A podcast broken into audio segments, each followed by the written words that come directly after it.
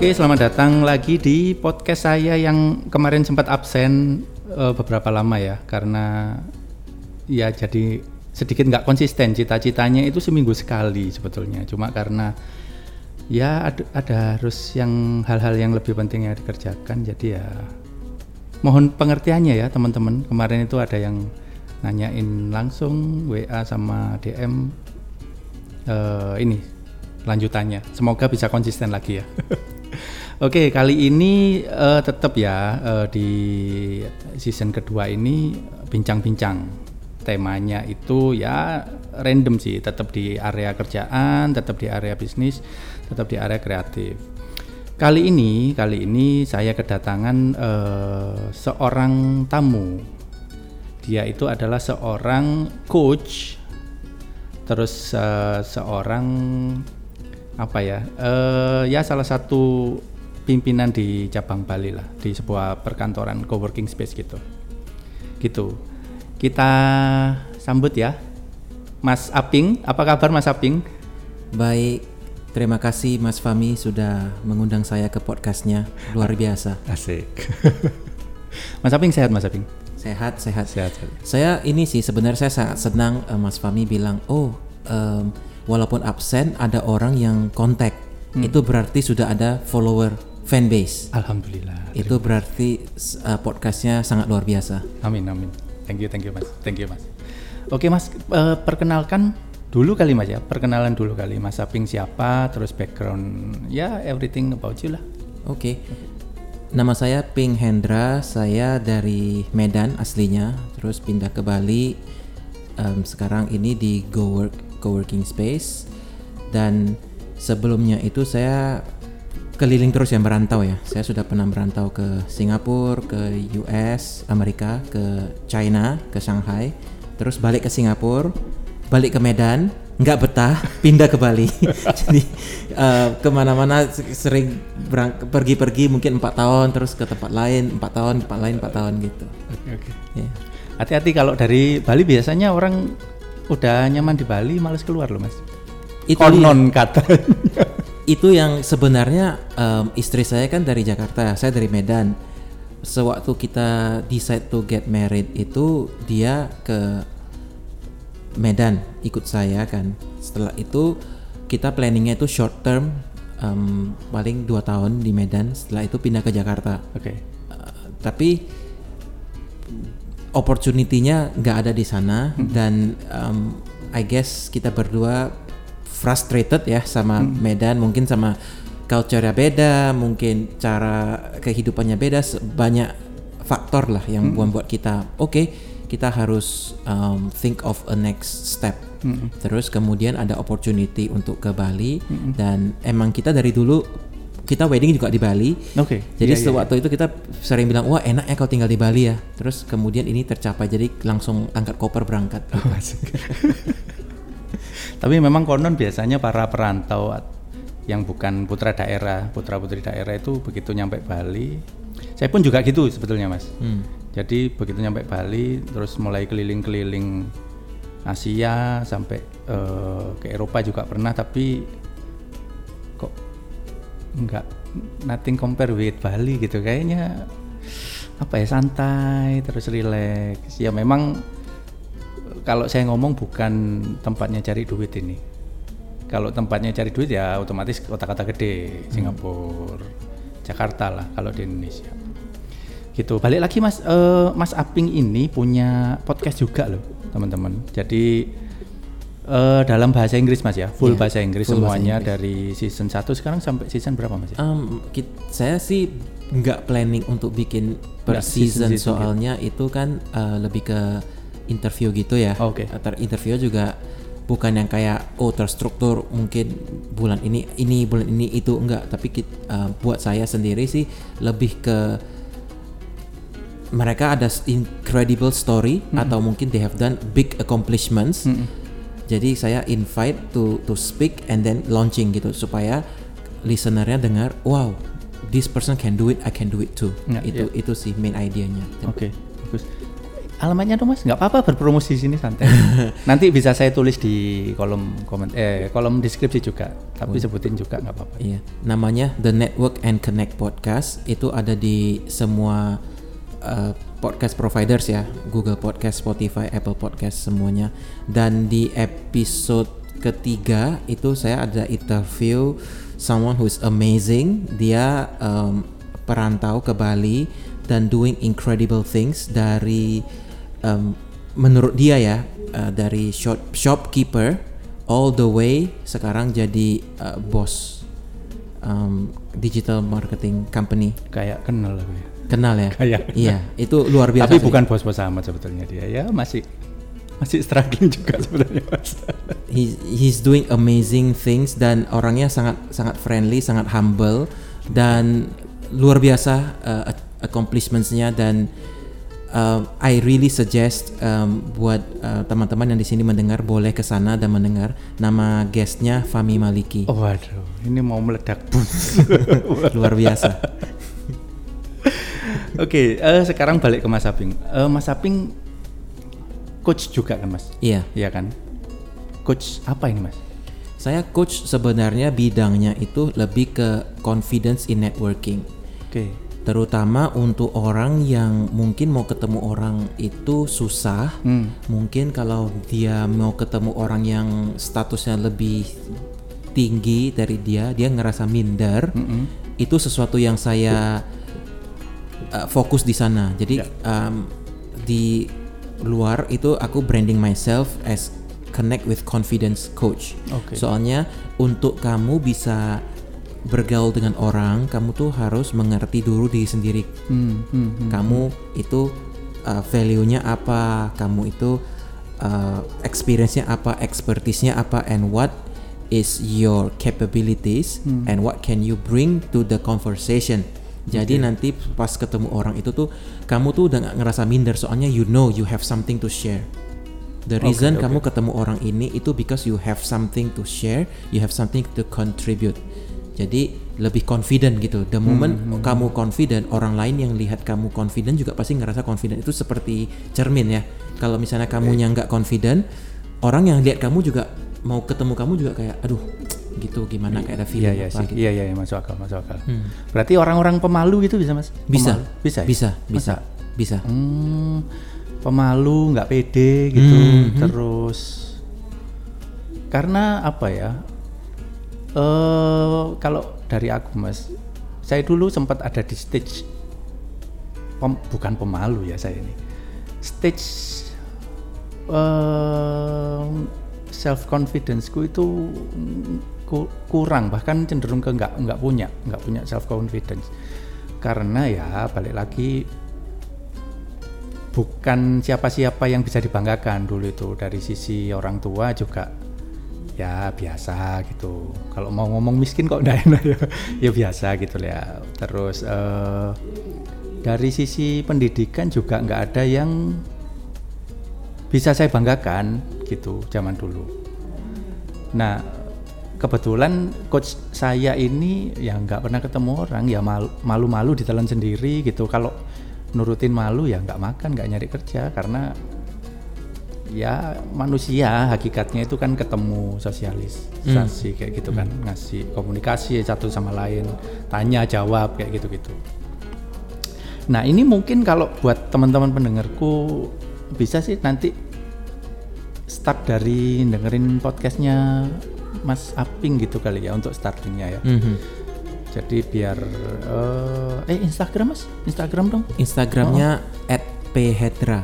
P Hendra P Hendra Instagram, LinkedIn, Facebook semuanya sama. sama oh P Hendra. iya, iya. bagus bagus mungkin bisa bisa bisa apa ya start dari sana teman-teman bisa tanya tanya-tanya boleh kan mas Boleh, DM DM boleh, gitu boleh, bisa ya boleh. ada cas nggak mas Enggak, Untuk- nggak ada ya enggak ini biar tahu aja teman-teman gitu jadi mungkin teman-teman kalau yang eh kayak public speaking gitu juga mas Public speaking itu sedikit berbeda. Soalnya public speaking itu ada dua tipe. Satu itu public speaking yang udah di prepare, seperti mungkin ada presentasi mau sharing a presentation. Ha-ha. Nah itu tuh uh, ada tekniknya sendiri. Oke. Satunya lagi tuh impromptu. Improm? impromptu. Impromptu Impromptu. kayak kayak langsung gitu dikasih uh, topik Uh-uh. langsung jawab di tempat tanpa bi- tanpa bisa mikir tanpa harus kayak oke bentar ya kasih saya waktu 10 menit ya seperti tanya jawab Q&A Oh, Oke oke oke. orang oke. tanya pertanyaan kan langsung spontan jawab Oke, iya, iya, ya iya. itu public speaking ada dua rute dan bisa juga itu di di diasah gitu Ah, sih, sih, sih, sih. Jadi mungkin lebih berguna buat teman-teman yang sering presentasi di depan eh, audiens gitu kali, Mas ya. itu sebenarnya em, ujung-ujungnya itu sama. Ujung-ujungnya itu adalah ada informasi dan eh, di pikiran dan mau menyalurkan em, informasi ini ke orang. Hmm. Sama persis. Jadi kalau misalnya presentasi itu ya ada ada slidesnya untuk membantu. Ya. Kalau misalnya ngobrol langsung, misalnya ketemu di cafe atau ketemu bos, Ah, itu sama ah, juga. ah, Mungkin ah. kita ada informasi kita mau salurkan ke orang. Oke.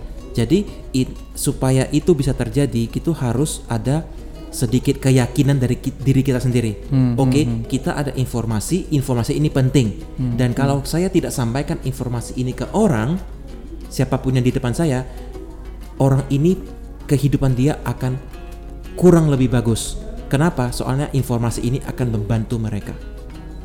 Dengan adanya mindset ini, kita jadi confident. Oke, I have this thing to share dan ini tuh penting. Saya Ah. harus salurkan informasi ini kepada beliau.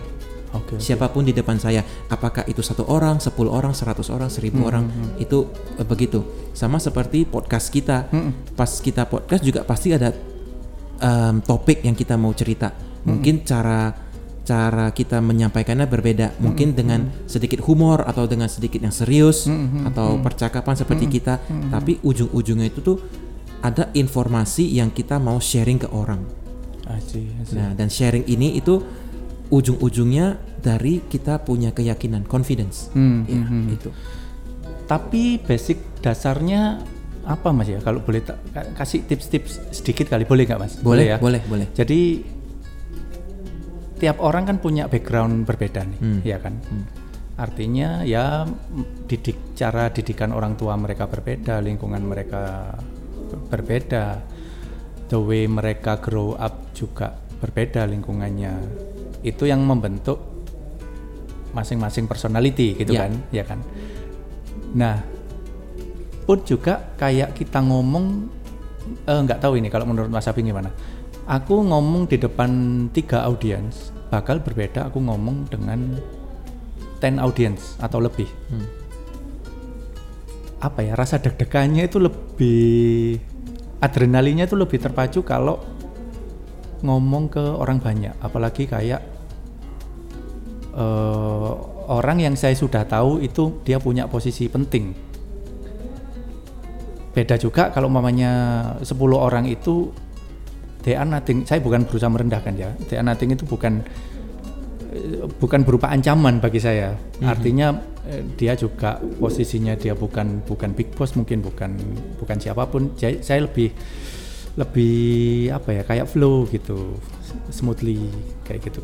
Nah apa ya basic basic tipsnya apa mas ya untuk untuk menghada eh, untuk me- meng- apa ya amplify mengamplify self confidence itu Bagaimana? seperti- iya Oke. basicnya aja sih Basicnya itu menurut saya kita itu terlalu over prepared kadang-kadang. over prepare Over prepared. Misalnya kita ada presentasi. Hmm. Kita prepare terlalu banyak, terlalu detail sampai kita pas during the meeting kita terlalu fokus di konten yang mau kita presentasi, kita lupa orang di depan kita. Kita terlalu fokus. Oke, sebentar saya nggak paham ya Hmm, misalnya gini, kita mau bikin presentasi Heeh. untuk tiga orang atau 10 orang misalnya. Oke.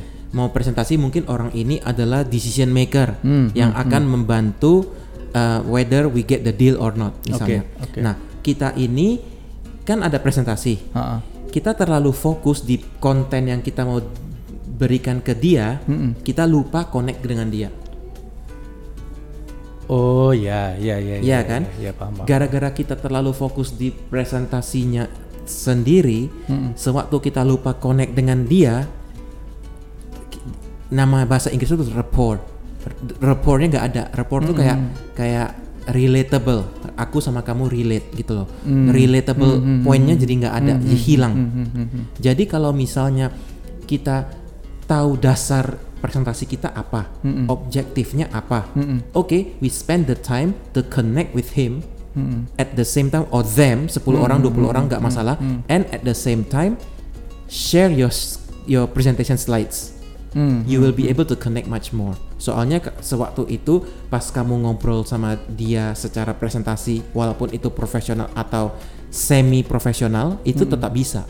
Daripada kamu oke objektifnya ini what will it do for you what will it do for them Hmm, hmm, hmm. kamu terlalu fokus ini. Pernah gini nggak, uh, Mas Fami? Sewaktu lagi presentasi, kamu mungkin sudah prepare seminggu sebelumnya sampai Sebulan mungkin. sebulan mungkin ya, sampai kema up, sampai satu jam sebelum meeting Ah, udah ah. kayak, oke, nanti slide satu ini, slide dua ini, slide tiga ini, yang saya mau ngomongkan ini, ini, ini, ini. Awal-awal dulu gitu, tapi Iya. semakin ke sini sih. Semakin sini Iya, udah iya. udah lebih confident dong. Iya, Ya kan? karena sudah tahu medan perangnya nanti seperti apa. gitu Nah, biasanya. Ha. benar. Ha. Nah, pernah nggak sekali itu mungkin you miss a point, lupa ngomong mungkin satu dua poin, Sering sih. sering kan? Nah, setelah itu misalnya, Ya. misalnya kalau tiba-tiba eh dealnya nggak jadi, Hmm. misalnya knock on wood ya, dealnya Ah, nggak ah, jadi. ah, ah. Terus kamunya kesel, aduh kalau aku ngomong poin ini mungkin bisa jadi. Sering gitu nggak? Atau ngerasa gitu nggak? Eh, iya. Ya kan? Iya, iya, iya. Itulah yang bikin orang jadi males atau nggak suka sama public speaking. Soalnya we need to remember everything. Oke, Hmm, tetapi sewaktu kita ngobrol di bar, ngobrol di cafe, ngobrol di restoran, Hmm, kita ngobrol nggak pakai slide tuh, spontan aja dan kita baik-baik aja. Kenapa? Pas mau public speaking atau mau kasih presentasi, kenapa kita pre overly prepare? I don't wanna say don't prepare, Hmm, itu salah. You have to prepare, tapi jangan over prepare sampai oh aku harus remember, aku harus ingat ya slide 1 sampai 50 tuh kontennya apa aja, Hmm, ngomongnya apa aja. You don't have to. Generalnya ini Hmm, kalau bisa tulisannya dikit saja, sedikit saja. Hmm, hmm, hmm.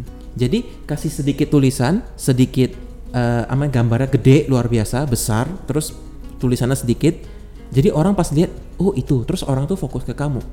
Hmm, hmm. Oh iya ya ngomongnya ini ya. Terus pas pas Mas Faminya ngobrol sama 10 orang itu lihat satu, slide dua lihat orang kedua, slide tiga orang ketiga, slide empat orang keempat. Jadi connect ke semuanya. Iya, iya, Oke, iya, iya. daripada daripada terlalu fokus sama tulisan-tulisan atau grafik atau berapa persen berapa persen. Orang itu nontonnya apa? Bukan nonton Mas Fami. Nontonnya slide. Hmm, hmm. Pas nonton slide, oh gini ya. Oh gitu ya. Matanya tuh tertuju ke slides. Slides. Enggak ke Mas Fami. Hmm. Jadi koneksinya nggak ada di sana. Oke, oke, oke, oke. Graph is important. Boleh lihat uh, Apple presentations ya, Hmm. Apple keynotes. Hmm. Kalau dilihat dari Apple keynotes itu tuh tulisannya sedikit. Hmm. layarnya besar, terus dia punya image besar, tulisannya sedikit Hmm. by design. Jadi dia lihat, oh begini ya, secara tiga detik, empat detik udah terserap, sisanya dengar Oke. tim cooknya ngomong atau iya, iya, siapa pun iya. itu Iya, iya, iya, ngomong. iya, iya. Jadi Iya, iya, iya. untuk um, public speaking atau untuk presentasi itu that is the key. Hmm. Kalau untuk yang ketemu langsung kayak ngebar gitu-gitu Hmm, hmm, hmm. atau ketemu orang di kafe itu sedikit berbeda. Hmm, Itu lebih ke cara kita duduk, Hmm, cara kita uh, ketemu orang ngobrol dan kalau ngobrol tuh eye contactnya tuh gimana, liatnya mana. itu tuh uh, very subtle. Hmm, Mas Fami mungkin boleh sama saya langsung sek- sekarang um, buat yang mendengar juga bisa langsung ikut gitu loh ya. Misalnya posisi duduk atau posisi berdiri sama saja. Kita coba duduk biasa. Oke, Duduk bahu gitu. ah, duduk biasa, bahu taruh di belakang. Gimana rasanya? Se- se- jangan kayak belakang banget, Oh, oh, iya, iya, encok ya. kayak mu- dimundurin ke belakang sedikit. Rasanya gimana? Terus ya udah pas ngobrol, pas ngomong tuh begini, mungkin tangannya eh, kebuka gitu. Hmm. Rasanya gimana? Kayak lebih lebih kayak uh auranya enak ya gitu. Hmm. Ada rasa gitu nggak? eh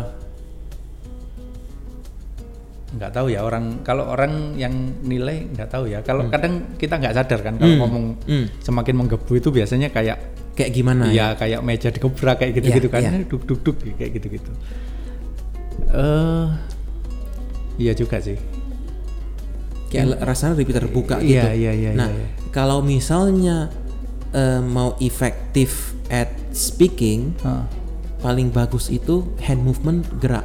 Oke. Hand movement gerak itu tuh spontan aja, jangan yang kayak oh saya harus pas lagi ngomong topik ini saya tangannya harus gerak kayak gitu. Gak usah, spontan, be natural. Nah tapi at the same time eh, Karena kita bukan Hokage, Mas. Kit- Iya. Jadi kita punya ini paling Naruto. penting tuh bahu kita back itu diingat oke eh, shoulder back shoulder back itu Oh, aja. oke. Ingatnya itu. Jadi pas pas ketemu orang kayak gini. Pas ketemu siapa pas mau salaman Hmm. shoulder back dulu baru salaman. Itu kayak lebih kelihatan lebih kayak wow Hmm. this guy is confident gitu. Simple gitu saja. Hmm. Orang punya image itu beda gitu. Perspektifnya beda langsung. Oke, oke. Hmm.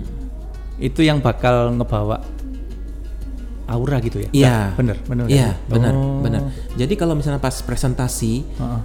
orang tertutup yang tertutup maksudnya kayak yang kayak shouldernya ke depan terus tangannya itu kayak menyamping atau tangannya di depan kayak kayak tutup anu Hmm, hmm. ya kan itu ya kelihatannya kayak kecil orangnya kayak kecil kayak redup gitu loh tapi kalau misalnya gede tangannya di samping itu kelihatannya kayak besar kayak kayak terang Iya, gitu Iya, iya, ya iya, iya. Oke, oke, oke, oke.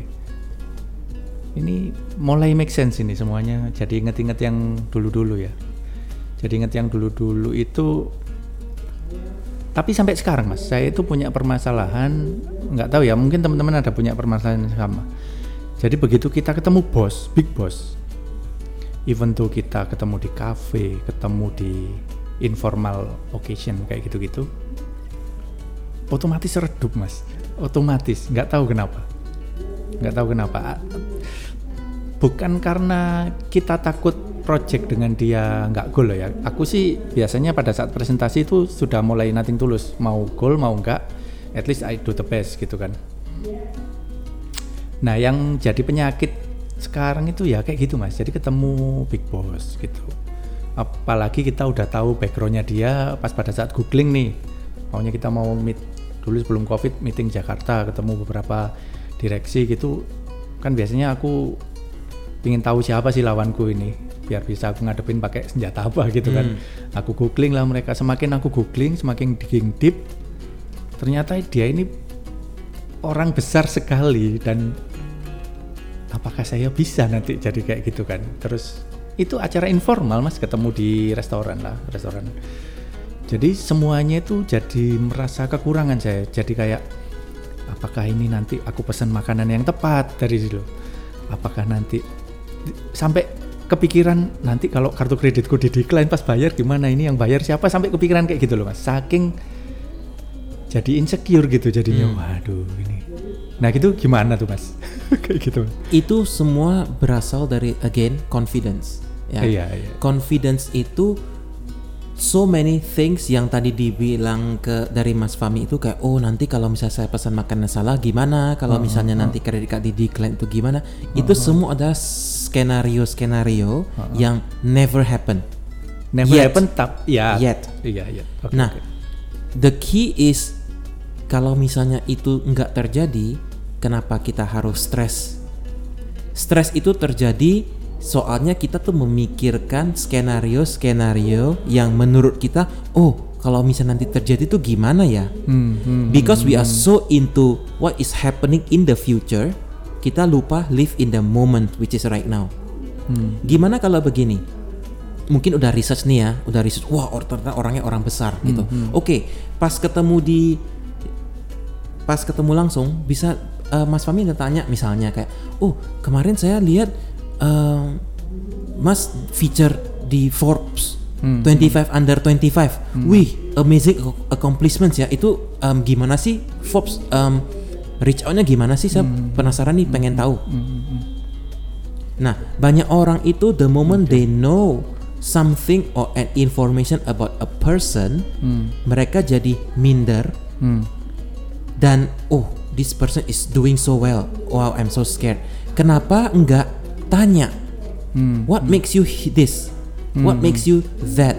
Kenapa kamu bisa achieve di- um, sebesar ini? Misalnya ada kondominium Hmm. di umur 30 udah ada kondominium.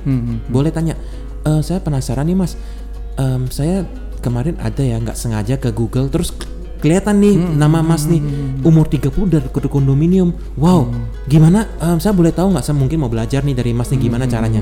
Dia pasti ketawa-ketawa. "Ah, enggak lah biasa Iya, iya, aja. iya, iya, iya. Eh, iya saya saya pengen tahu sih gimana. Jadi mungkin em, ke depannya saya mungkin bisa ngajarin ke anak saya supaya gigih kayak bapak. Dia pasti cerita tuh. Oh gini gini gini gini ngebuka, gini. ngebuka jalan Ngebuka gitu. jalan. Oke oke oke. Jadi oke. Paling susah itu di mana orang udah tahu sesuatu tentang a person, Hmm. dia jadi takut bertanya.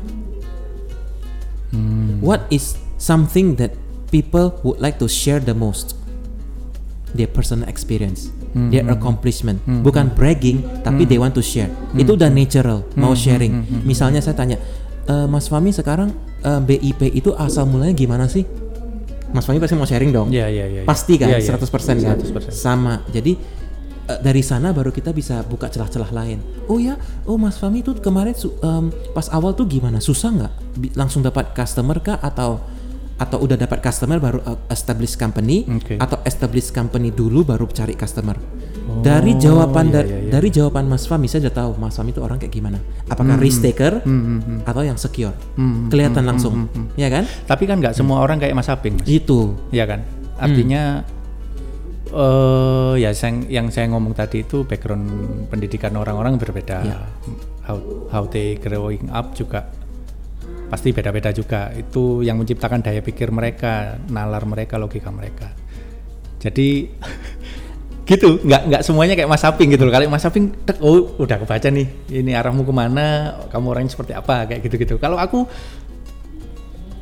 blank mas aku harus ketemu sampai mungkin 10 kali lebih baru aku ngerti oh, orang ini orang ini seperti ini ternyata that's why aku agak susah deket sama orang ya mungkin ya mungkin ya mungkin Ada ini sih, uh, ada satu, ak- saya lupa sharing tadi, um, pas tadi Mas Fami cerita, aku langsung ke keingat. Ada satu yang saya baca dari buku How to Win Friends and Influence People by Dale Carnegie. Buku itu uh, itu wajib baca ya uh, untuk di Indonesia ada? Ada. Gramedia ada? Ada ada. oke. Oke Eh, saya baca yang versi Inggris tapi versi Indonesia itu pasti pasti ada. Soalnya itu the best book of all time mungkin udah kayak eh, 100 juta dijual deh mungkin. Oke. Eh, luar biasa bukunya. Dia ada ngomongin satu konsep namanya don't be interesting. Be interested. Don't be interesting. Be be interested interested.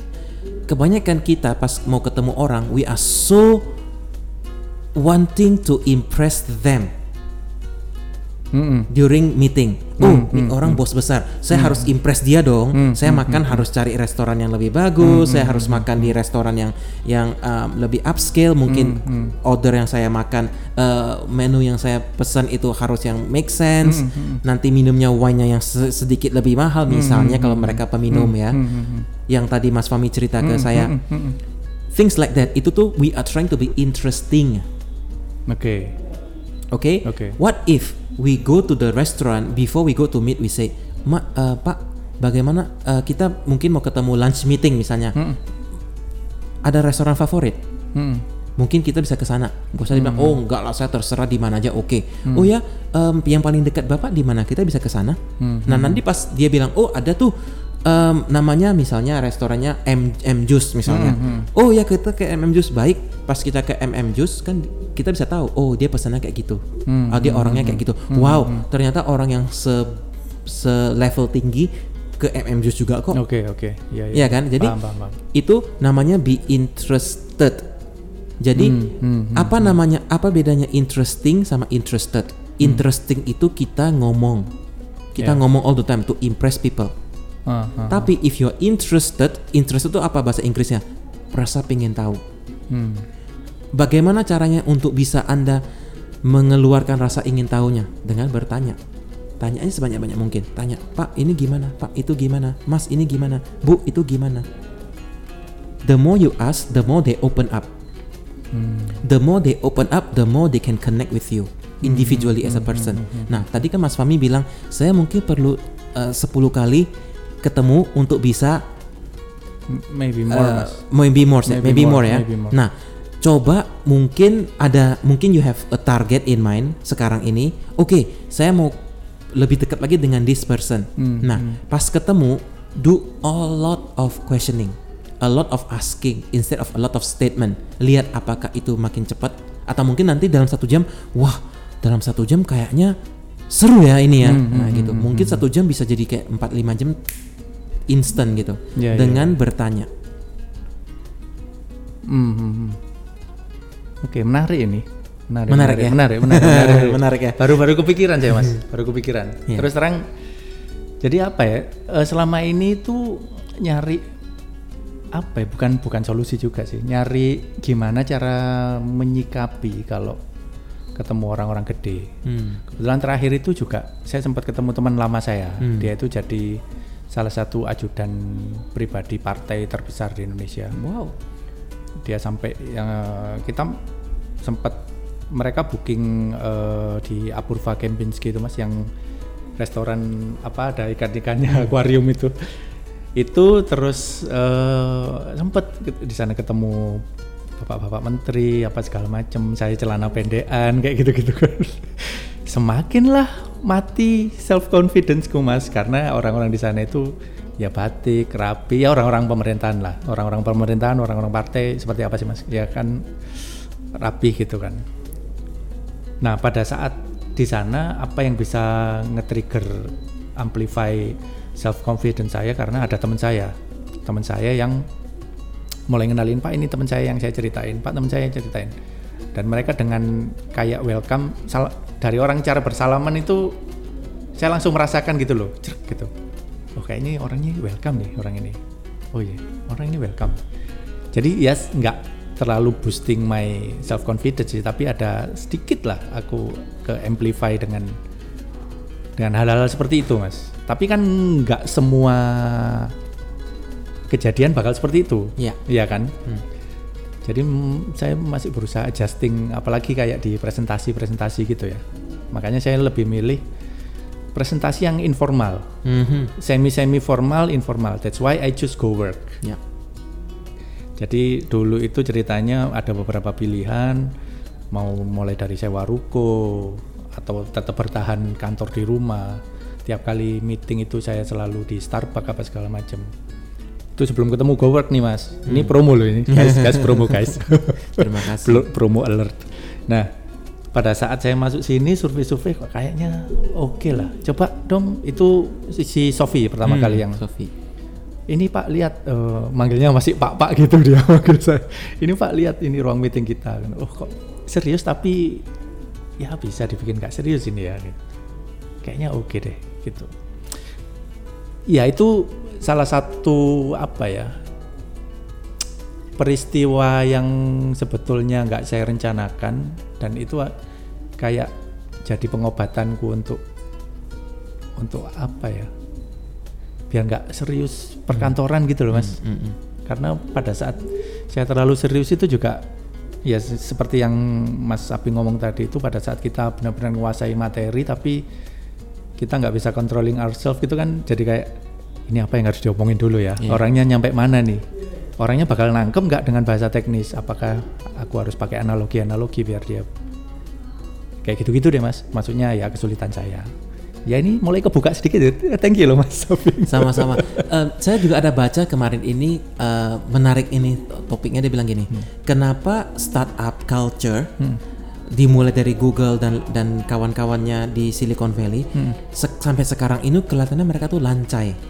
Apa Lancai, itu lancai itu kayak pakai bajunya seadanya, Iya, pak- iya, nggak iya, iya. kayak wah dulu kan pakai dasi, pakai tie, suit and tie and wow very formal gitu di company kan kayak bank. Hmm, Terus sekarang ini di startup world, everyone is like wearing hoodies, wearing t-shirts, kadang celana-celana pendek, kadang pakai sandal, nggak pakai sepatu, ada yang pakai flip flop. Mm-mm. Kayak ada yang nggak tidur, maksudnya tidur di kantor, bukan tidur di rumah, all all over the place. Nah, kenapa culture-nya shifting sangat ya eh, luar biasa? Mereka bilang itu tuh you are most productive when you are at your best self. menarik ini Ya. baru dengar kata Dia bilang gini, and when you you are most productive when you are comfortable at your own clothings, Ah, ah, at your own way. Kadang ada orang yang kayak suruh dia duduk serius um, di office cubicle selama 8 jam tuh mereka nggak tahan.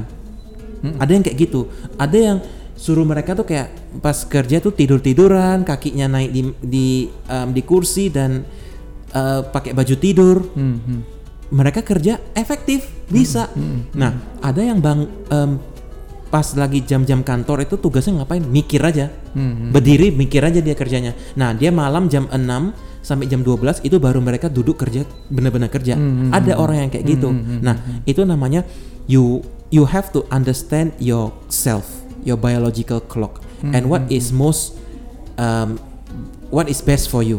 Misalnya kalau Mas Fami minggu lalu ada ke meeting yang tadi itu meeting di Apurva Kempinski itu kalau misalnya pakai suit and tie I don't think you will do well I'm quite I think, confident yeah. yes Yeah, yeah, yeah, kayak- soalnya you are not at your best self you're not at your element iya, iya, iya, tapi dengan adanya Mas Fami di elemen ini saya yakin banyak sekali menteri-menteri yang di sana kayak aduh aku pengen banget nih pakai celana pendek Ada, Sialan. Mas. ada, Ada, kan ada, ada. gara-gara ini aku harus pakai batik dan celana panjang Ada, ada, aduh ada, pasti ada. ada.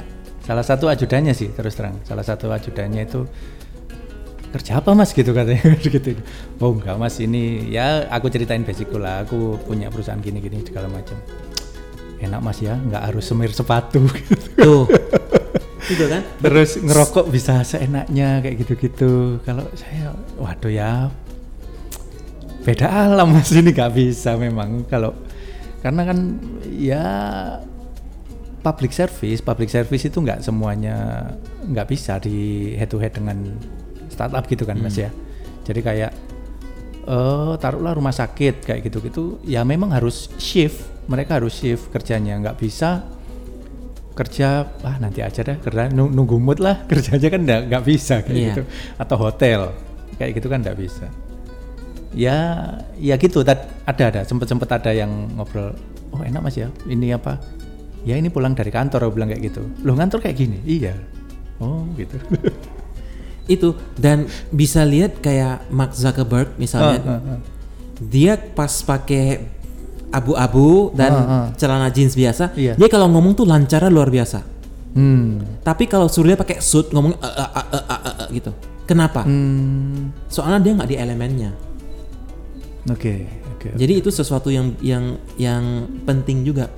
Saya sering bilang Hmm. in order for ini, ini persuasif yang aku belajar kemarin itu pas ak- em, sama bos aku di di uh, di Shanghai. Hmm. Dia bilang begini, in order for you to the best way for you to close a sale is not to invite them to your office, hmm is for you to go to their office and close the sale. hmm Why? Because they are at their element. Hmm. They don't feel defensive. Hmm And the best if Yeah, yeah. they choose a neutral territory, mungkin kayak ketemu di luar gitu loh. hmm, hmm, hmm. Ask them to choose the restaurant. Ask them to choose the cafe. Ask Hmm. them to choose which Starbucks. oke And you go there. Why? Because thi- that is familiar to them. Hmm. That is their element. ya ya ya ya. Dan you close. dibikin nyaman dulu lah mereka Ya, jadi aku udah nyaman di sini gitu. Ini ini, ini sema- di otaknya tuh semacam ini tempat saya. Ya, jadi pas ya, kita kasih proposal, chance-nya mereka untuk mau oke jauh lebih tinggi Hmm, daripada kita undang mereka ke sini. Ya, berbeda ya. Ya, ya, ya. Kalau misalnya ada em, teman-teman yang yang ada bisnis yang bisa close sales outside. Hmm, Kalau go work kan nggak bisa, you have to come to my place kan. hmm, Kalau misalnya other um, companies, kalau misalnya ada yang bisa mau proposal itu bisa ke mana-mana, Hmm. please do it at their place or ask them to choose a location. Ya ya ya. Itu yang akan sangat. Misalnya bilang, oh kita di hotel aja. Hotel apa mas? Hmm. Make sure you have to do it in such a way that mereka yang take decision Hmm. Hmm. on the meeting because itu mereka paling comfy di sana. ketemu di hotel saya aja mas terus cewek gitu eh moga-moga jangan Eh. didengerin istri saya Itu juga suatu ya kalau di Shanghai itu that is customary. Kalau di Shanghai itu biasanya setelah sign deal itu tuh kayak minum-minum lah, karaoke lah, kadang-kadang itu bisa Hmm. Kasih ngundang- cewek Ada gitu. tetap emang itu culture-nya begitu kalau di, di, di Cina emang ada. Hmm, hmm, hmm. Nah, the key is to make them so comfortable Hmm. that it's not a threat to sign a deal at whatever the deal that you you you ini you have gitu. Ya, ya, ya, mereka ya. tuh nggak Ya, ya, nyaman kan ya, kalau ya, di ya. tempat lain. Kalau di rumah sendiri kan mereka tuan rumah. ya Gitu. ya ya ya paham paham, paham. ya menarik menarik menarik tapi balik lagi mas Hmm. aku, aku baru inget eh ya memang untuk mod- metode kerja ala-ala startup itu kan banyak tantangannya sebetulnya. Apalagi saya yang sebagai runner itu me- merasakan gitu loh pada saat apa ya teman-teman di tim saya nggak mood kayak gitu gimana building moodnya terus kan karena nggak terikat jam kerja itu agak susah ngontrolling ini kerjaannya. Sudah selesai apa belum ya? Pada saat aku datang mereka belum datang. Atau pada saat aku masih ada kerjaan mereka udah selesai semua terus mau pulang kayak gitu. Jadi ya mungkin minusnya itu. Dan eh, apa ya? Itu big challenge sih. Big challenge untuk untuk terutama eh, yang para pelakunya para pelaku yang yang yang menjalankan beberapa bisnis startup itu loh mas nah kalau di balik lagi kalau di GoWork ya kalau di GoWork itu masih ketolong dengan banyaknya mood booster Hmm. mulai dari view kantor ya syukur-syukur saya dapat view kantor yang ada balkonnya bisa ngelihat eh, Merlion. apa Merlion. Bisa ngelihat Merlion bisa ngelihat Liberty bisa ngelihat Taj Mahal gitu. Itu lebih ketorong jadi mood booster terus ngerokok nggak perlu jauh-jauh tinggal ke balkon untuk mood booster atau ngopi segala macem. Jadi ketolongnya itu ini balik lagi berpromosi untuk go work lagi nih mas. Terima kasih. ya jadi buat teman-teman bisa dicek ini kali ya eh go work itu apa terus eh nanti tak tulis di kolom deskripsi setelah detailnya Mas Aping. Jadi teman-teman biar tahu go work itu seperti apa, seperti apa kantor saya. Terus kalau teman-teman kalau yang sudah sempat eh bertamu ke kantor saya ya seperti itu. Terus kebanyakan mereka bilang interesting gitu Mas, interesting dan kerasan gitu loh. Artinya beyond their expectation gitu pada saat mereka ekspektasinya adalah kantor gitu. Hmm, hmm, hmm, hmm. begitu nyampe terus kadang-kadang udah kadang tak kasih minuman alkohol kasih bir kasih apa segala. Boleh ini? Lah ya boleh silahkan ini bukan BUMN aku bilang kayak gitu kan. Bukan BUMN bukan eh, apa panti sosial atau segala macam. Ya udah ini kantor kantorku ini ya aturannya seperti ini ya aku bilang kayak gitu kan. Ya udah nih gak apa-apa. Dan di situ banyak terjadi apa ya percakapan yang serius Yap. yang nggak saya harapkan gitu loh. Mulai dari bisnis mulai dari mulai dari visi visi misi klien saya itu mulai oh semuanya. Kayak kayak kayak kayak, kayak, kayak gitu sih, mas. Gitu sih mas. Jadi ya teman-teman go work ini saya merekomendasikan banget. Meskipun banyak yang sudah menawarin saya harga murah tapi nggak cuma murah tapi value-nya yang harus harus saya pikirkan bukan berarti saya banyak duit loh ya bukan berarti saya banyak duit tapi ya value-nya lah value-nya mas Iya. nah ngomongin go work nih mas sekarang mas kerasan nggak mas di sini mas Oh kerasan, Kerasan banget. pasti kerasan banget. tahun berapa ya mas ya Saya baru join, Baru join deh. em, tahun 2019. 2019 2019 Desember saya baru join. Desember oke Hmm, Berarti eh, udah mau setahun. Udah mau setahun udah ya? mau setahun. Saya kemarin itu em, ya itu mau pas mau pindah ke Bali itu saya tulis di em, resolution saya 1 Januari 2019 saya tulis tuh Hmm. dream goalnya move to Bali with my family by December 2019. 2019 oke Saya juga nggak tahu kenapa aku tulis Bali, kenapa nggak tulis eh, saya tulisnya Desember 2019. Pokoknya saya tulis dan saya percaya. Hmm. Terus em, ngobrol-ngobrol, habis itu kan saya mulai eh, work hard gitu kan, opportunities here and there. Eh nemu opportunity ya go work. Jadi Hmm, em, aku pindah ke Bali itu sebenarnya gara-gara dapat opportunity go work juga sih. Hmm, hmm, hmm, hmm. Iya. tapi kalau dari Mas Aping sendiri ngeliat kompetitor gimana mas Eh beda ya sama kita ya. Soalnya ko- kalau di Bali itu kan kompetitornya co-working space yang dicarikan adalah bu- orang-orang bule, eh, digital nomad yang begitu kan. Dan itu tuh ada charmnya sendiri. The charm of Bali itu apa? Dekat pantai, dekat sawah, yang kayak lebih hijau gitu loh. Sedangkan kalau kita punya ya hijaunya ada hijau juga, gedung perang itu warna hijau. oh iya kita di depannya Pentagon Iya. guys itu warna hijau juga. Iya, iya, iya. Bedanya dengan uh, kita itu target market kita itu adalah lokal. Oke. Orang lokal tuh bukan berarti lokal Bali, bukan, Hmm. tapi Indonesian. Mm-mm, mm-mm, mm. uh, dari penda- uh, pendatang atau mungkin um, corporate yang di Jakarta atau di di mana pun di Indonesia dan mereka mau open a, a company atau a, a subsidiary company di atau cabang di uh, Bali ya come to go work gitu. Soalnya kita offer uh, co-working space kita juga offer private office. Some of our competitor itu strictly co-working space. Hmm. adapun mereka punya co- um, private office itu makeshift meaning it used to be a meeting room.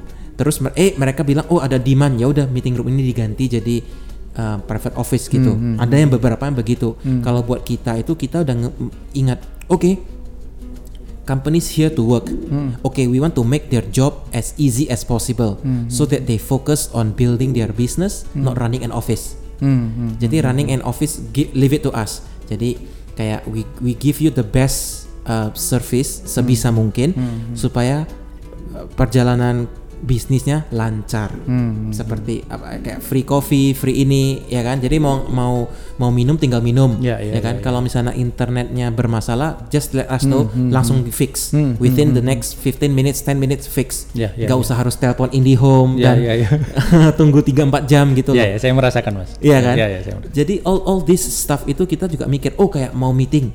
Banyak dong meeting kan, ada yang empat orang, 8 orang, 10 orang. Kita ada meeting room dari kecil sampai besar. Oke. Dan kita ing- tahu, oh kita punya kapasitas untuk um, companies kan banyak tuh. Jadi kita bikin, oke we need to have a different uh, meeting rooms of different sizes. Makanya kita meeting room ada size besar, size kecil, dan Oke. size menengah. Oke. Itu semua by design supaya company-company our members seperti Mas Fami yang di sini itu they really datang ke kantor itu benar-benar fokus kerja.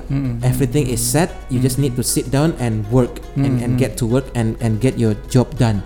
Setelah itu selesai, nah baru kalau mau mau sosialisasi, hangout sama member lain silahkan gitu. Iya, iya, iya, iya. iya. Ya. Iya ya. Enak sih mas di sini terus terang. Maksudnya eh ya itu tadi saya sempat dapat tawaran yang lebih murah lah. Terus eh, apa namanya? They comes with another benefit, Hmm. ya kan? Another benefit, other benefit, sorry, other benefit yang aku rasa kok kayaknya ya masih belum bisa move on kayaknya kalau dari. Tapi Mas ya nanti boleh saya bantu di area marketingnya Mas nanti. itu saya sudah ini sih saya sudah uh, proposal-proposal semua sudah saya kirim ke ke pusat Ha, ha, ha. nanti di pusat itu mereka diskusi dan saya sudah run through udah review semuanya. Saya lihat sih menarik sangat menarik.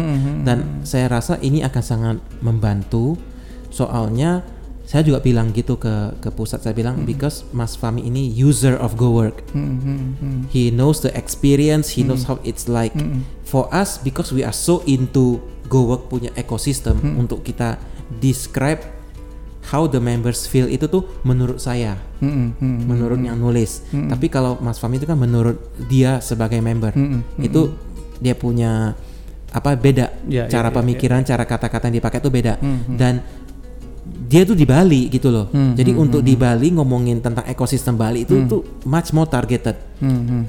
Aku udah explain itu semua ke pusat dan pusat juga kayak oh iya juga ya benar juga sih make sense sih. Iya semoga ya, iya ya. soalnya kita kan uh, pusat kita di Jakarta 20 cabang. Jadi dari Jakarta itu membawa culture uh, Bali itu susah untuk detach. Soalnya kita tuh kan very Jakarta centric. Benar gitu benar, kan. benar. kita punya messaging kita punya advertising itu kebanyakan itu very Jakarta centric. Hmm. in order to make it more local tailor made itu agak agak agak sedikit challenge Iya, gitu. karena kalau dilihat dari apa ya, out- dari behaviornya orang culture lah, culturenya orang Jakarta sama Bali sama tiap-tiap daerah kan, ya nggak bisa diseragamkan, Iya. nggak bisa di nggak bisa di apa namanya disamakan gitu, Hmm. mas. Ya, semoga lah. Habis ini kita ngomong-ngomong masalah itu ya, Boleh. maksudnya di luar podcast lah. boleh boleh Jangan boleh dibahas di banget. sini. boleh banget Jadi gitu teman-teman, Eh, kalau teman-teman belum tahu go, eh, cowork itu apa, eh, coworking space itu seperti apa, ya nanti saya iniin di link deskripsi di episode kali ini, teman-teman bisa klik. Dan semoga steady ya jumlah audiensnya dan mungkin bisa mendongkrak mas nanti untuk di coworknya. Semoga ya. Bisa, semoga. Terima kasih. semoga. Saya mau saya mau iklan sedikit boleh? Boleh mas Boleh, boleh ya? boleh boleh, ya? boleh, boleh, ini, boleh. ini ini ini namanya shameless plug. Saya ada ik- Apa itu, eh, Mas? Shameless shameless plug itu tuh kayak eh, iklan yang sangat gak tahu malu. itu saya baru belajar tiga hari yang lalu eh, sama temannya. Jadi begini eh, kemarin itu saya kan ada join this um, organisasi, bukan organisasi sih lebih ke uh, it's like learning public speaking and learning how to speak better on stages gitu. Nama Toastmasters. Toast Toastmasters. toast toast gini ting Toast, gitu ya, Oke, Toastmasters. Jadi Toastmasters ini tuh um, sangat membantu saya tuh. Jadi saya pas uh, speak itu tuh udah udah ada strukturnya. Hmm, itu ada diajarin di sana. Hmm, hmm, hmm. Nah, kemarin itu saya kan ada proyek, proyeknya itu is about uh, coaching Oke. someone. Ah. Kan saya sudah ada experience in coaching ya. Jadi saya pikir-pikir, aduh, saya kalau coaching about confidence, ya this project means nothing because I've done it many times. Hmm. Aku pikir I wanna do something different Hmm, hmm. so that this project is useful kalau misalnya ada yang salah atau ada yang kurang atau ada yang bisa di, di improve mereka kasih tahu saya oh this is needs to be improved Hmm, hmm. then we can we can improve Eh, aku juga improve nah proyeknya ini saya choose teach people how to start their own podcast Hmm. Hmm, jadi untuk orang mau mulai podcast itu challenge-nya apa? Saya dulu pas waktu pertama kali mau mulai podcast itu tuh wow, so many things I don't know kan? Hmm. Kayak in, uh, hostingnya gimana, perlu equipmentnya apa, perlu um, how to do it right, formatnya gimana dan lain-lain. Mas Fami juga saya rasa sama, ya. Soalnya kita uh, di balkonnya Mas Fami Iya, itu iya, ada ada this conversation about podcast keluar itu kayak wow, is susah banget ya gini gitu pengen banget tapi susah. S- I think especially right now gara-gara masalah dunia Hmm, hmm. banyak orang stay at home Hmm. and they wanna they wanna have a voice. Cuma mereka nggak tahu gimana to to make it work. hmm, hmm, nah kemarin itu saya pikirnya oke saya coach on how to start a podcast. Nah setelah coaching ini selesai my student actually launch the podcast masa mas ya masa sih The- the- uh, nama podcastnya ini another shameless plug. Iya, iya. Uh, soalnya ini saya iklanin my my uh, my student. Namanya You Matter. you matter You Matter. Oke. Oke. Dan dia juga member Toastmaster. Dan dia saya sengaja pilih dia soalnya dia itu adalah division director Toastmasters seluruh Bali. oh. Berarti levelnya sangat tinggi. oh iya iya Dan dia tuh adalah mentor saya di Toastmaster itu tuh kamu tuh dikasih mentor gitu loh. Dan dia tuh adalah mentor saya di Toastmasters dan saya coach dia hmm. untuk start a podcast dan it works. Jadi saya pikir-pikir, oke, what I wanna do is I wanna do a challenge. Jadi ini sekarang saya lagi on on progress. I will launch it. Sebentar, nama coaching eh, namanya adalah 23 Days to Podcasting oke dalam 23 hari kamu ujungnya di, di hari ke-23 kamu akan launching a podcast to the world. Secepat itu mas. Secepat itu. Keren. dalam 23 hari pasti 100% your podcast will be launched. Soalnya itu ada sistem step by step. Oke ada satu lagi disclaimer. Kamu harus b- do the homework. Hmm. and actually listen to the instructions Hmm. and listen to the coaching and uh, ini kayak misalnya dibilang oke desain artwork kamu desain artwork. Hmm, misalnya hmm, hmm. research on uh, keywords kamu beneran research on keywords. If you Hmm, do hmm, that hmm, I am confident in the 23rd uh, in day 23 you will launch it. 100% aku Oke, very confident. oke, nah nama coachingnya uh, nama coaching itu 23 days to podcast. Kenapa 23 days kenapa nggak 21 Kenapa? hari kenapa mas ya soalnya 23 is my favorite number oh.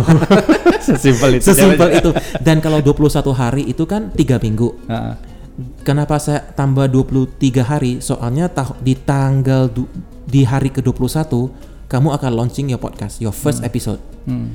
On the 23rd day your podcast will be distributed to Spotify, Apple Podcast dan lain-lain. Dan itu adalah the end of the show. the end of the uh, apa namanya the end of the coaching and what is the step for you to maintain and to grow this podcast of yours further oke namanya 23 days to podcast saya sudah beli domainnya dan lain-lain Uh, saya akan launching di 23 November 23 November. Oke. minggu depan Iya, iya, Uh, dekat lagi of, dong. of this Iya, dekat of this lagi. recording Iya, iya iya. dekat Huh. Uh, dan ini tuh um, ya dalam 23 hari pasti launching dan nanti saya juga mungkin ya uh, untuk saya ini marketnya saya akan pisah market Indonesia dan market internasional Hmm. untuk market Indonesia mungkin saya akan taruh harganya 230.000 ribu soalnya 23 Oh iya ya oke jadi oke, oke. semuanya 23 Iya, iya, Um, iya. mudah-mudahan ini bisa membantu teman-teman yang mungkin pingin banget punya podcast Ah. tapi nggak tahu gimana mulai tapi nggak tahu flow-nya itu gimana Hmm. tapi nggak tahu how to make it work or how to make it amazing itu nanti um, bisa dicek on the on the apa namanya uh, on the show at 23days to podcast.com kalau misalnya ada nanti bisa ke sana lihat-lihat dulu kalau misalnya oke tertarik sign up gitu aja. Mm-mm. Nanti tak taruh di deskripsi Iya, juga ya. terima kasih. Jadi mungkin nanti episode ini teman-teman ya buka deskripsinya itu bakal banyak link-link ya, link-link yang bermanfaat buat kehidupan kalian dan kehidupan saya. terima kasih. itu proyeknya Mas Aping sendiri Itu atau project- ada beber- Eh, project beberapa orang yang membantu gitu enggak? project saya sendiri. Saya saya do this all by myself. Wow. Sekarang ini ya itulah malam malam nggak tidur selesai ini semua Eh, supaya selesai. Jadi ini dalam waktu ya enam hari eh enggak lima hari lagi akan launching. Jadi em, harus segera gitu. Oh, Oke. Menarik menarik Mas. Ini sudah 56 menit gak berasa loh. Padahal banyak yang ada di Boleh lanjut nggak masalah kalau ini? Bu, mungkin di ini kali ya. Nanti dibikin episode terpisah kali Mas ya tentang something gitu Hmm, ya. hmm, Banyak sih soalnya yang di sini pengen tung tung tung tapi kalau kelamaan itu biasanya aku lihat grafiknya itu pada lari semua. Jangan lari loh ya. Jangan lari Jangan lari loh. eh sama satu lagi Mas sebelum habis ya. Hmm.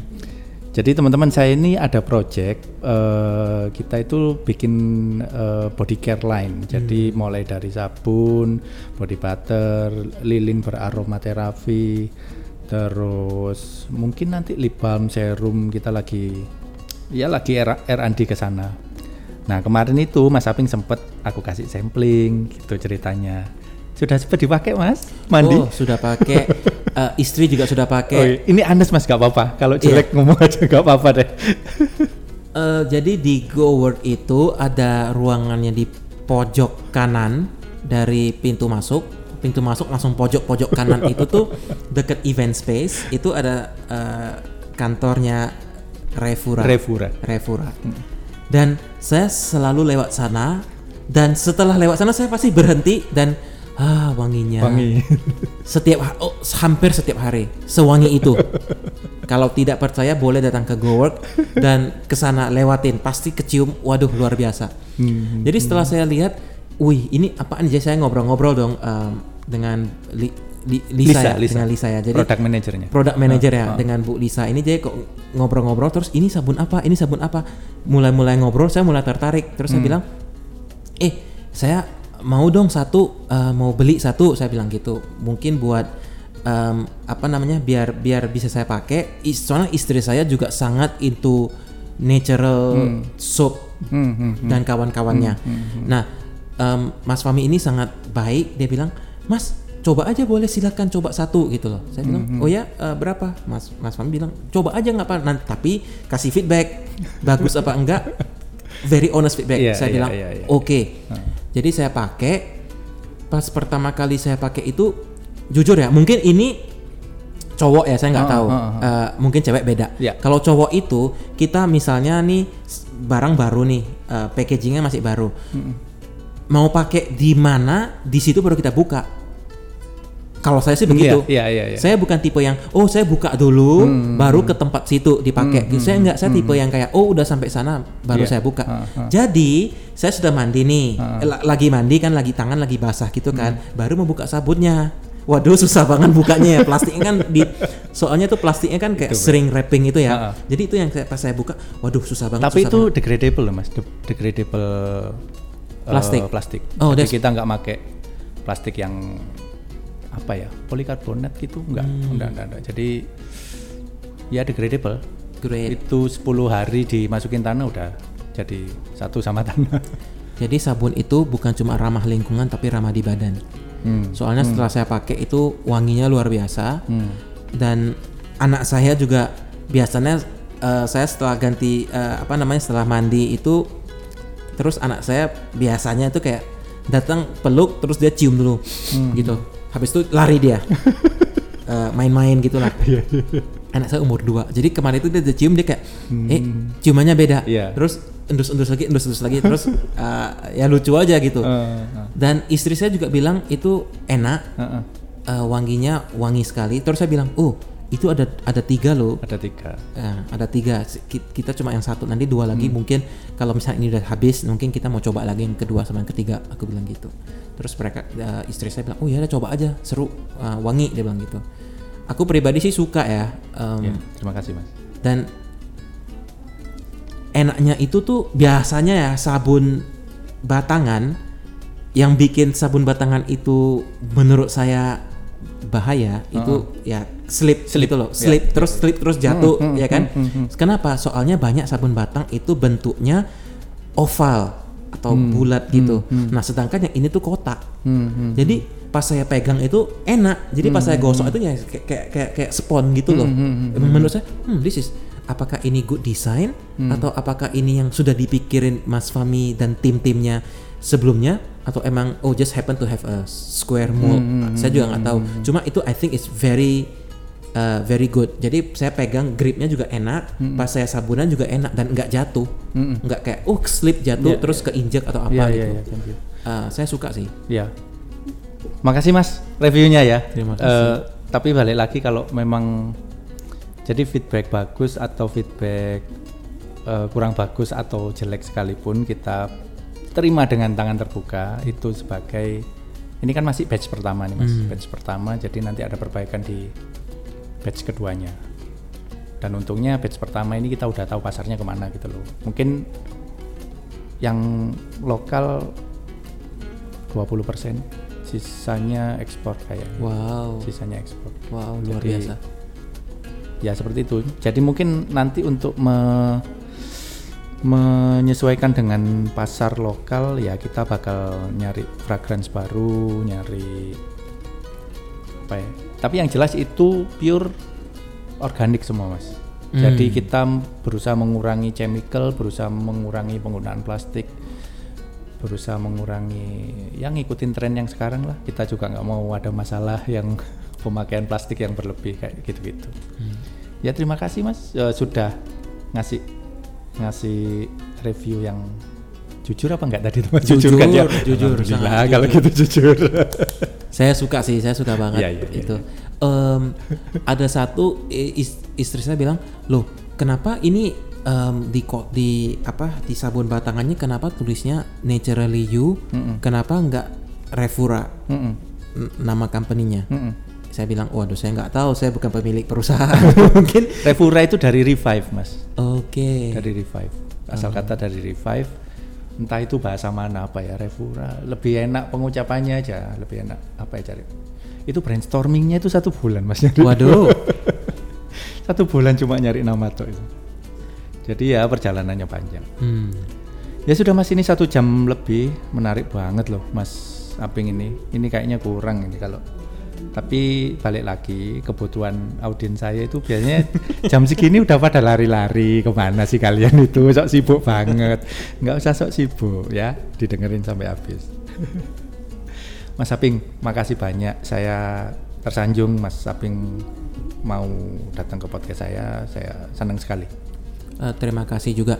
Oh ya dan saya juga ada satu tip ya. Eh, Ini saya tadi mau cerita tapi saya lupa. Ada satu tip.